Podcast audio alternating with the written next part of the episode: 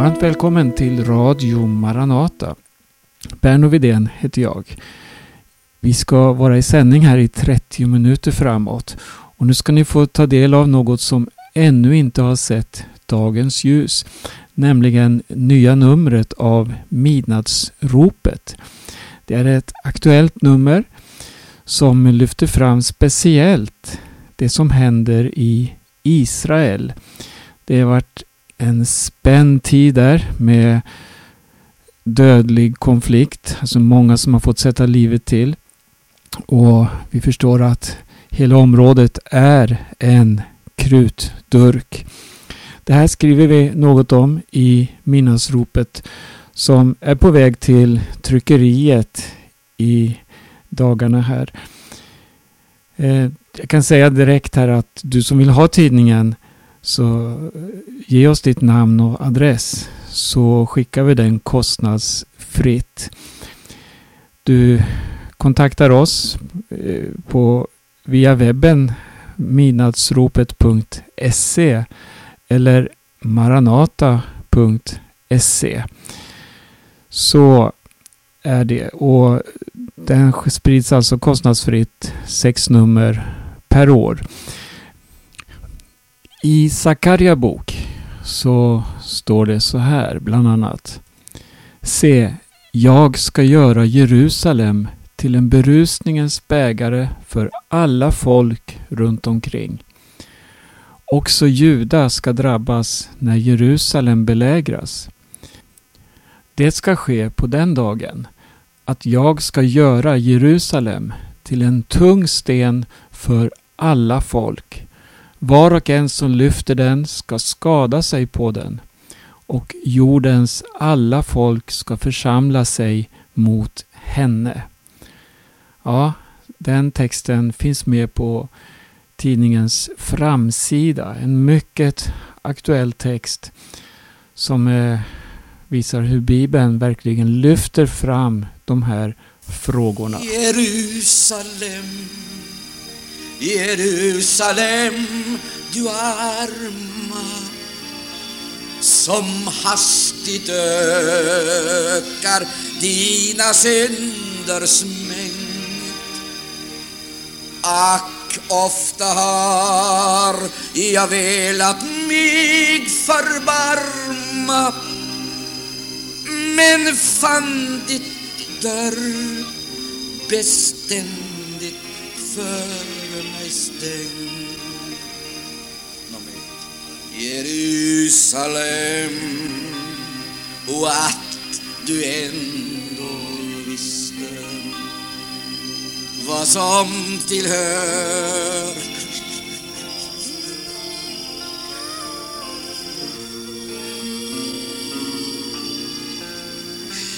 men nu det är fördolt din syne du miste då du ej aktade din sökning. Vi hörde ur sången här om Jerusalem. Det var Arne Imsen och Nomi Abnaisa som eh, sjöng. Vi ska få höra mer från den här sången om en stund. Eh, det handlar om midnattsropet här och Eh, jag ska helt kort beskriva framsidan av numret. Det är tre rubriker som vi har lyft fram. Templet och de två vittnena. Det är en text av Arne Imsen som skrevs och publicerades 1979. Men den är oerhört aktuell. Det finns också en text som säger så här. Israel behöver Jesus. Och det är ledaren som jag själv har författat. Och den är också aktuell. Den eh, visar på hur viktigt det är att vi inte går in i en politisk strid när det gäller Israel.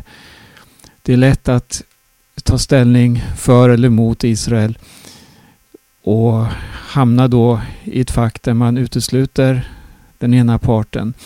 Men faktum är att vår uppgift som församling den är så mycket viktigare, så mycket större.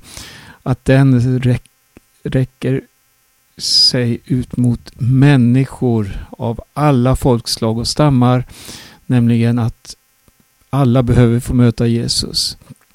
Ja, ni får gärna läsa den. Jag ska citera något ur den också här i programmet. Sen har vi ett vittnesbörd utav en israelisk arab. Han heter Carlos Damianos. Han fick möta den levande guden och hans liv blev förvandlat. Han bor och verkar i Israel. Eh, vi ska börja med några citat från Arne Imsens text om templet och de två vittnena.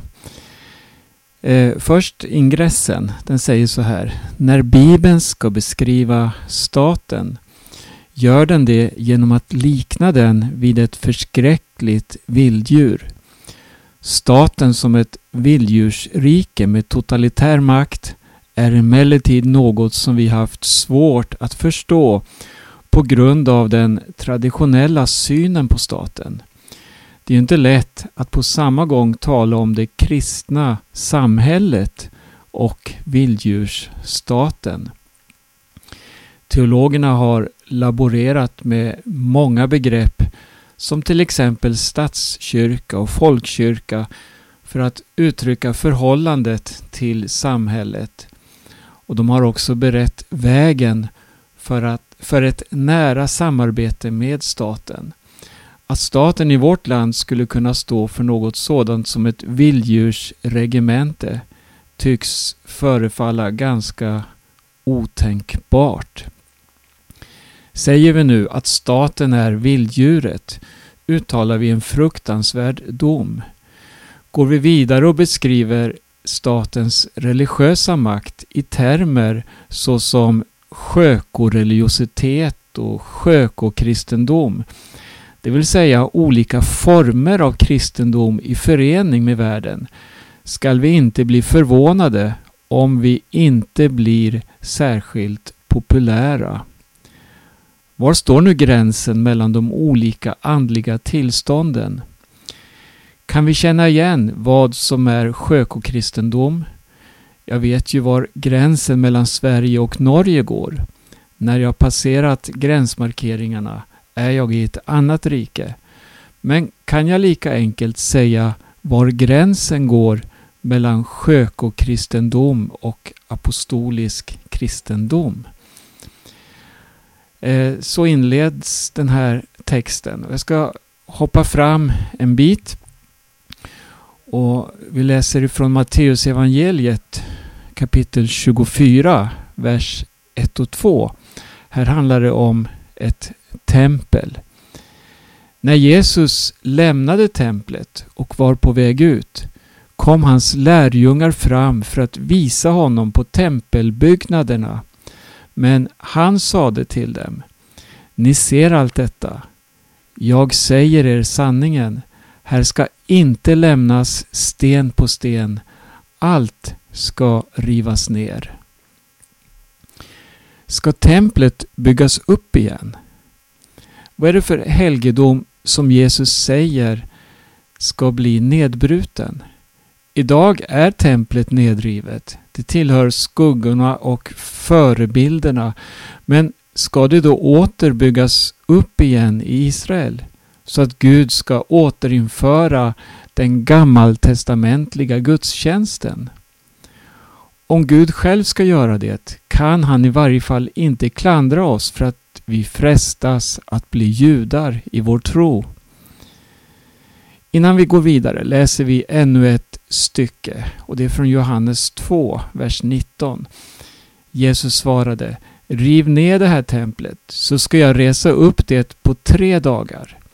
Judarna sade I 46 år har man byggt på det här templet och du ska resa upp det på tre dagar.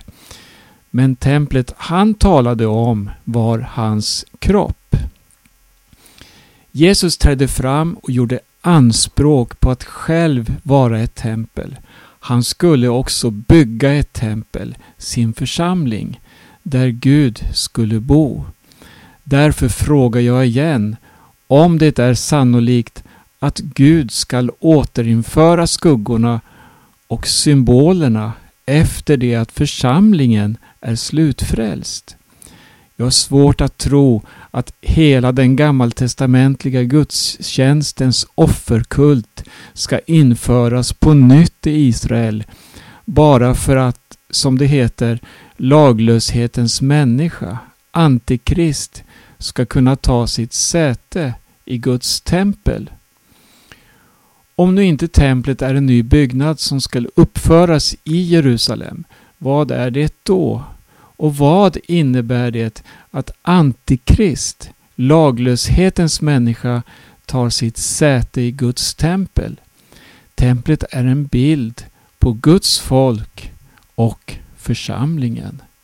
Jerusalem O att du ändå visste vad som tillhör din lycka och din fred. Men nu det är fördolt din syn du miste. Då du ej aktade din sökningstid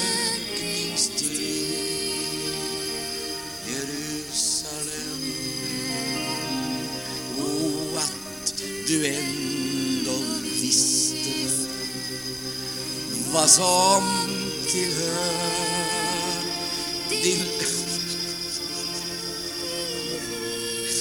Jesus. Men du, det är fördolt din syn du miste då du ej aktade din sökningstid Vi går vidare i tidningen och vi ska citera något ur ledaren som jag själv har skrivit. Eh, rubriken är Israel behöver Jesus. Och ungefär mitt i texten så finns en mellanrubrik. Dagens Israel. Israel idag och situationen där är verkligen komplicerad. Inte minst genom alla de otroliga spänningar som finns mellan folken. Jag läste ett vittnesbörd av en palestinier han är son till en av Hamas grundare och uppfostrades tidigt till att bli en av pelarna i Hamas terrororganisation. Men han fick möta Jesus som sin frälsare. Det var en lång process som ledde till att hans syn förändrades. Han ser inte längre judarna som fiender, inte heller palestinierna. Istället ser han med en helt ny utgångspunkt på de människor som bor och lever i området. Det är genom Jesus som sann försoning och läkedom kan bli en verklighet. Vi har mött liknande vittnesbörd från både araber och judar som lever i Israel. Det piskas upp väldiga stämningar genom en oerhörd propagandaapparat som med olika vinklingar presenteras oss. Och så förväntas vi genom medias rapportering att ta ställning. Oftast för Palestina och mot Israel. Men det är helt omöjligt i en så komplex situation. Det är oerhört svårt att kunna greppa allt som händer. Men en sak som står fast och som vi aldrig kan bortse ifrån är vad Guds ord säger. Guds ord talar tydligt om Abraham, om framtiden och om riket etc. Men nu ska vi inte förväxla det med dagens politiska Israel. Jag ställer inte upp bakom allt som den nationen och dess ledare idag presenterar och vilka åtgärder de vidtar för olika situationer.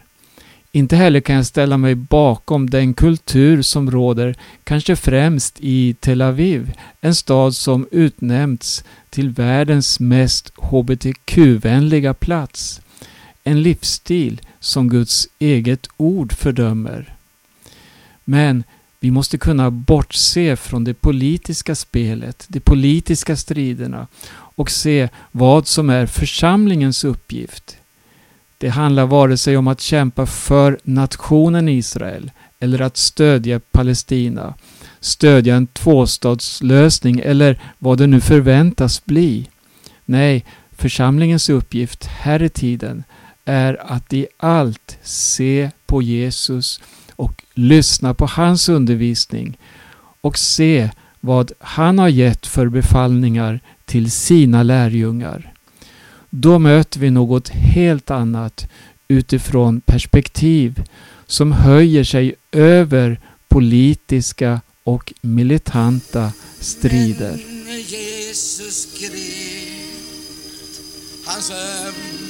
hjärta blöder I evig kärlek oförliknelig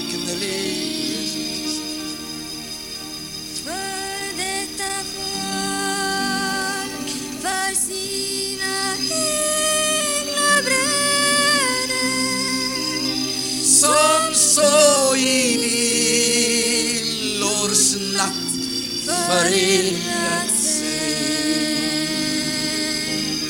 Det höres sorg. Och stadens glädjefester. Och svans och spel till pulgor och cymbal Men medan solen där ner i väster går västern klagande i Kidrans stad Vi ska gå vidare och se något här på ett vittnesbörd utav Carlos Damianos som är israelisk arab från Haifa. Han berättar om sitt brokiga liv, om drog, om våldsamheter, om fängelsevistelser och naturligtvis om sin omvändelse, vilket förvandlade allt i hans liv.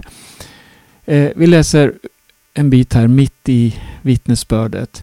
Under min husarrest gick jag vid ett tillfälle ut för att avsluta en affär med en person.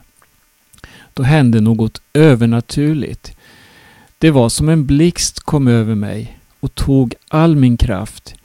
Jag såg inget ljus, men det gick rakt igenom hela min varelse och jag likasom föll till marken. Jag hörde en tydlig röst. Carlos, när du går hem till... Och rösten sa personens namn. Jag hörde rösten två gånger och det var med sådan auktoritet och med sådan kärlek. Jag vet inte om rösten kom inifrån mig själv eller utifrån, men jag kunde inte fly från budskapet. Så jag gick hem istället och dagen efter ringde jag till den här personen. Han kom och besökte mig och jag fick berätta allt som hänt mig dagen innan. Han sade då att Jesus älskade mig. Han berättade att Jesus blev korsfäst för mina synder, att han dog men uppstod igen och att han är villig att ta emot mig som en son och förlåta mig alla mina synder. Jag förstod inte allt han sa, men något i mitt hjärta trodde ändå på hans ord. Jag var så törstig, som om jag gick gick i en öken och till sist hittade en vattenkälla. Jag hoppade ner i källan och sa Vad behöver jag göra för att få tag på det du säger? Det var svårt för mig att böja mig, speciellt när någon annan fanns där. Men jag gjorde det. Jag lydde, darrade lite. Jag slöt mina ögon och sa efter honom Abrahams, Isaks och Jakobs Gud, patriarkernas Gud, jag vänder mig till dig i bön från djupet av mitt hjärta. Jag tror att du finns. Jag omvänder mig av hela mitt hjärta. Jag behöver verkligen förlåtelse för mina synder. Jag tror på Jesus, att han dog för mig på korset. Jag tror att han dog, begravdes och uppstod igen. Jag litar på honom, att han förlåter mina synder och jag inbjuder dig att komma in i mitt liv. Ögonblicket som jag omvände mig kände jag vågor av kärlek som fyllde mitt hjärta, min kropp, mitt sinne och jag började att gråta. Det låter märkligt, men jag mötte den levande guden. Min ande mötte Gud och förändrade mig. Den gamle Kalos dog helt enkelt. Från bergets topp Han blickar över staden Vars kullor glimma vakande i sol Men bland palatsen ser han främst i raden det stolta templets strålande kupol. Han ser och ser med blick som genom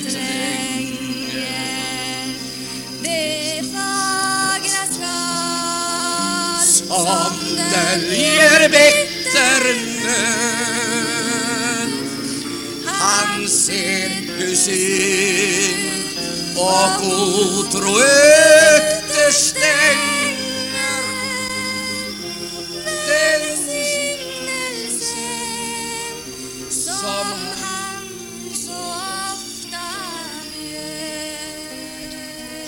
Du lyssnar till Radio Maranata och vi presenterar i det här programmet ett nytt nummer av tidningen Midnattsropet med fokus på Israel. Det finns också en del andra artiklar som jag vill lyfta fram helt kort. Vi har en väldigt gripande och uppfordrande text utav en kubansk broder, Ramon Rigal. Alltsedan 2017 då han och hans hustru Adja började att ge sina barn en kristen utbildning genom att hemundervisa så har de fått utstå mycket förföljelse i form av husrannsakningar, polisförhör i tid och otid, konfiskering av datorer och litteratur, straffarbete och senast i raden långa fängelsestraff. Och Ramon har trots allt det han har fått gå igenom en eh, oerhörd längtan och iver att få nå ut med evangelium till det kubanska folket. Och han riktar sig i en text här som han har skickat till Minnasropet. Eh, han riktar sig till troende att bli mina vittnen. Det är en uppmaning om att verkligen ta tag i kampen och hitta fokus. Vad handlar kampen om? Läs den här i tidningen Minnasropet. Alltså en, det handlar om kampen för evangelium på Kuba som fortsätter. Det finns också en text av Sebastian Vidén som handlar om missionen i Dominikanska republiken. Jag läser inledningen här. För drygt ett år sedan slog coronapandemin ner i världen som ett bombnedslag. Från att ha varit en värld med i stort sett fritt resande fram och tillbaka över bland annat Atlanten så stängdes gräns efter gräns ner. Man kan tycka olika om huruvida åtgärderna var berättigade eller ej, men faktum kvarstod. Och sedan berättar Sebastian här något om missionen och situationen då för våra vänner i Dominikanska republiken. dit han själv kommer att resa om några dagar. Och han skriver så här, jag vet inte exakt vad som väntar där eller hur möjligheterna för att kunna samlas och liknande ser ut. Men jag ser fram emot att möta syskonen. Var med och bed för arbetet. Eh, jag ska kort nämna här också en text som finns med av Roger Lindros. Under några dagar så besökte familjen Roger och Akville Lindros från Åland då, församlingens missionscenter i Långshyttan där de också deltog i direktsända möten.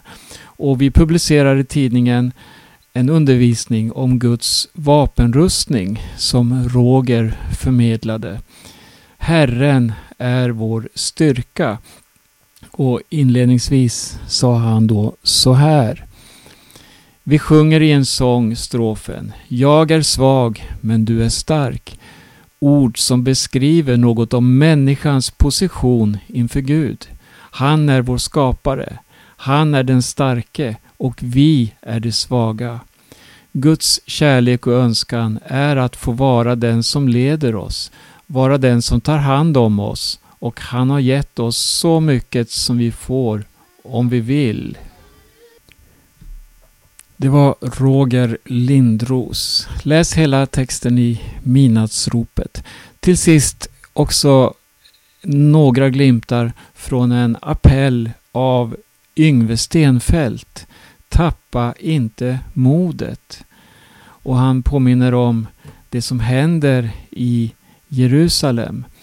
Ännu en gång har vi fått bevittna hur spänningsfältet på tempelplatsen i Jerusalem utlösts i våldshandlingar av nog så allvarligt slag. Raketer har också slagit ned i Jerusalem, om än Tel Aviv drabbats hårdare och naturligtvis städerna söder därom. Världen förbereder sig för sluthändelserna av historien där våren förbyts i en antikristlig isvinter. Det borde ju bli sommar efter en utdragen vår, men nej. Hur ofta har inte denna världens vårtider inte blivit till den sommar man väntat sig? Demokrati blev likväl diktatur och människoskaror på flykt. Sen eh, påminner också Yngve i sin text om det som ligger framför, det som väntar Israel, men också den stora dag då Herren själv ska stiga ner från himmelen och ett maktbud ska ljuda. Ja, det var några utdrag ur Minnesropet nummer 3 2021. Varmt välkommen att beställa din egen kostnadsfria prenumeration. Vi sänder den sex nummer varje år om du hör av dig och uppger namn och adress. Du kan kontakta oss via församlingens hemsida maranata.se eller tidningens hemsida midnattsropet.se. Med det tackar vi för den här gången. Jag heter Berno Vidén och vi önskar alla våra lyssnare Guds rika välsignelse. Då förlät Gud Då förlät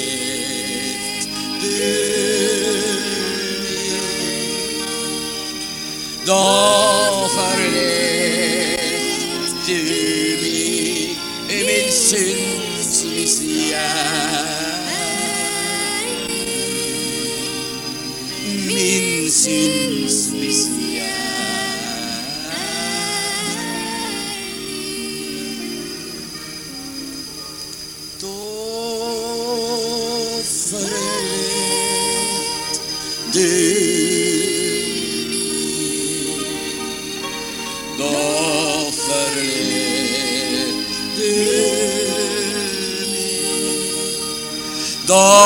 förlät du mig min synds Messias